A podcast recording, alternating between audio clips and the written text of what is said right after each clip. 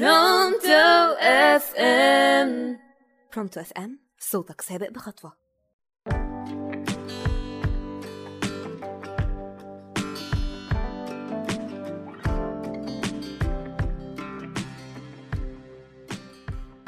مساء الخير عليكم. أنا داليا علاء الدين وده راديو Pronto FM برنامج بتاعة راديو. الواحد بقى لما بيتعزم على خطوبة ولا يعرف إن في اتنين أصحابه ارتبطوا ولا بتاع بيقعد يضحك. بقى بيحس إن هو علامة شايف المستقبل بتاعهم بالتفاصيل بالمراحل. الموضوع بقى مكرر بشكل واضح وتقريبا البنات والولاد عارفين الخطوات كلها. بس اللي هو ليه ما نجربش؟ إحنا ننال شرف التجربة الفشل مش عيب. باختصار شديد نفترض إن عمر بيحب سلمى. بداية العلاقة مرحلة اسمها مرحلة الاستهبال. هنا بيبان أحلى حاجة عند عمر وأحلى حاجة عند سلمى وكل الحاجات الجميلة بتظهر على الوش.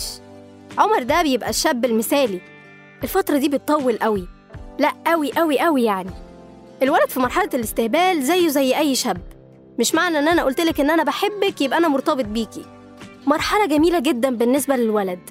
عايش قصة حب مكتملة الأركان من غير أي التزام عليه.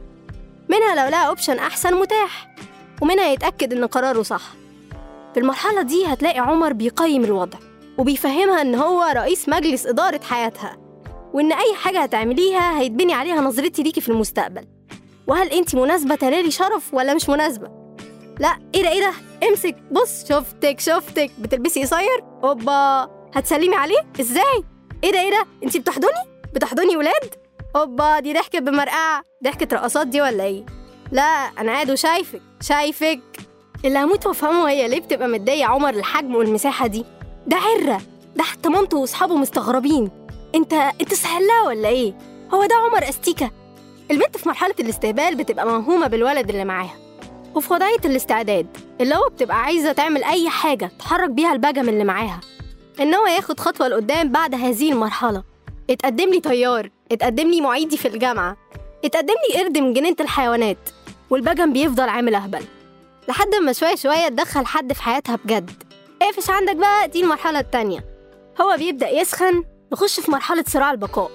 بيبدأ الولد في مرحلة صراع البقاء دي إن هو يتكلم. ولسه بنقول هي وهياخد خطوة. ينهي جملته بأصل أنا مش جاهز. استنيني أخلص حاجة. إيه الحاجة دي بقى؟ الله أعلم. جيش بقى جامعة عملية أمه هتعملها. أمه ماتت من عشر سنين محتاج يطلع من اللي هو فيه. كده بقى.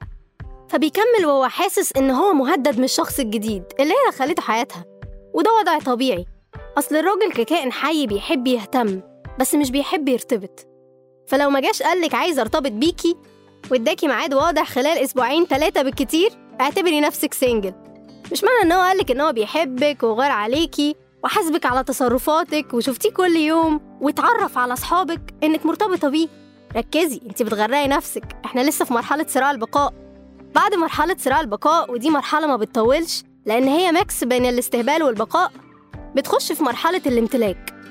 الولد هنا بيحس بإنجاز تاريخي لمجرد إنه اعترف بحبه وقال هياخد خطوة. مجرد التفكير حسسه إيه ده؟ ده أنا عملت إنجاز. دي ورقة. امديلي عليها. هتبقي ملكي.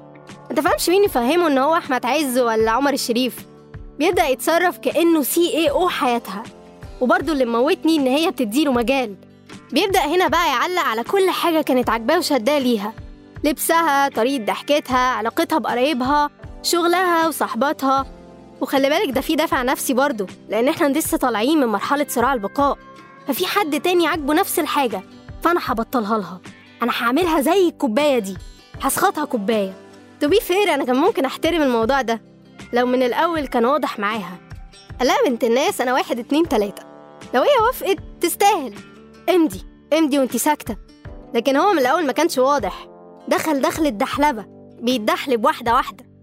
وبعدين عايزة أقولك على حاجة. الولد برضه بيحب البنت ال attractive الملفتة. بس معاه عايزها أم هادية لعياله.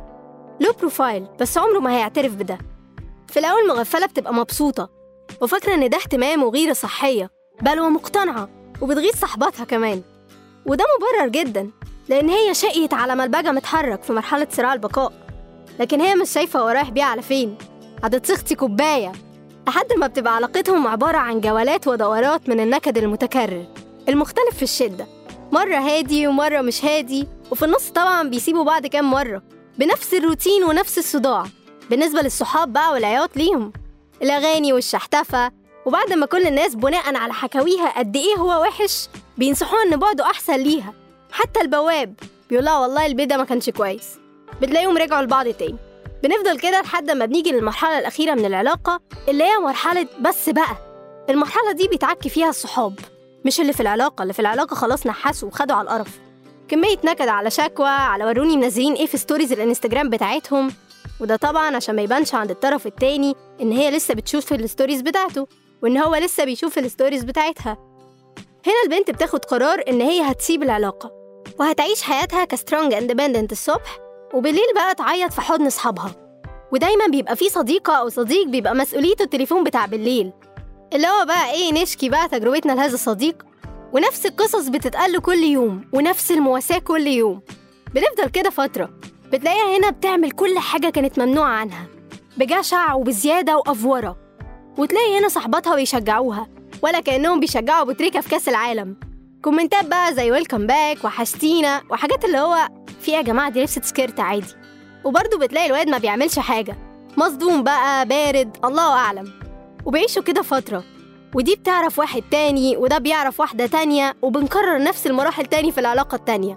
استهبال بعد كده صراع بقاء وبعدين بس بقى وبعدين welcome back فأنت من هنا دورك لما تلاقي أي حد مرتبط أو هيرتبط تعرف هما في أنهي phase عشان تعرف أنت هتخلع إمتى. وبكده نكون وصلنا لنهاية حلقتنا النهاردة. أنا داليا علاء الدين وده راديو Pronto FM. تصبحوا على خير.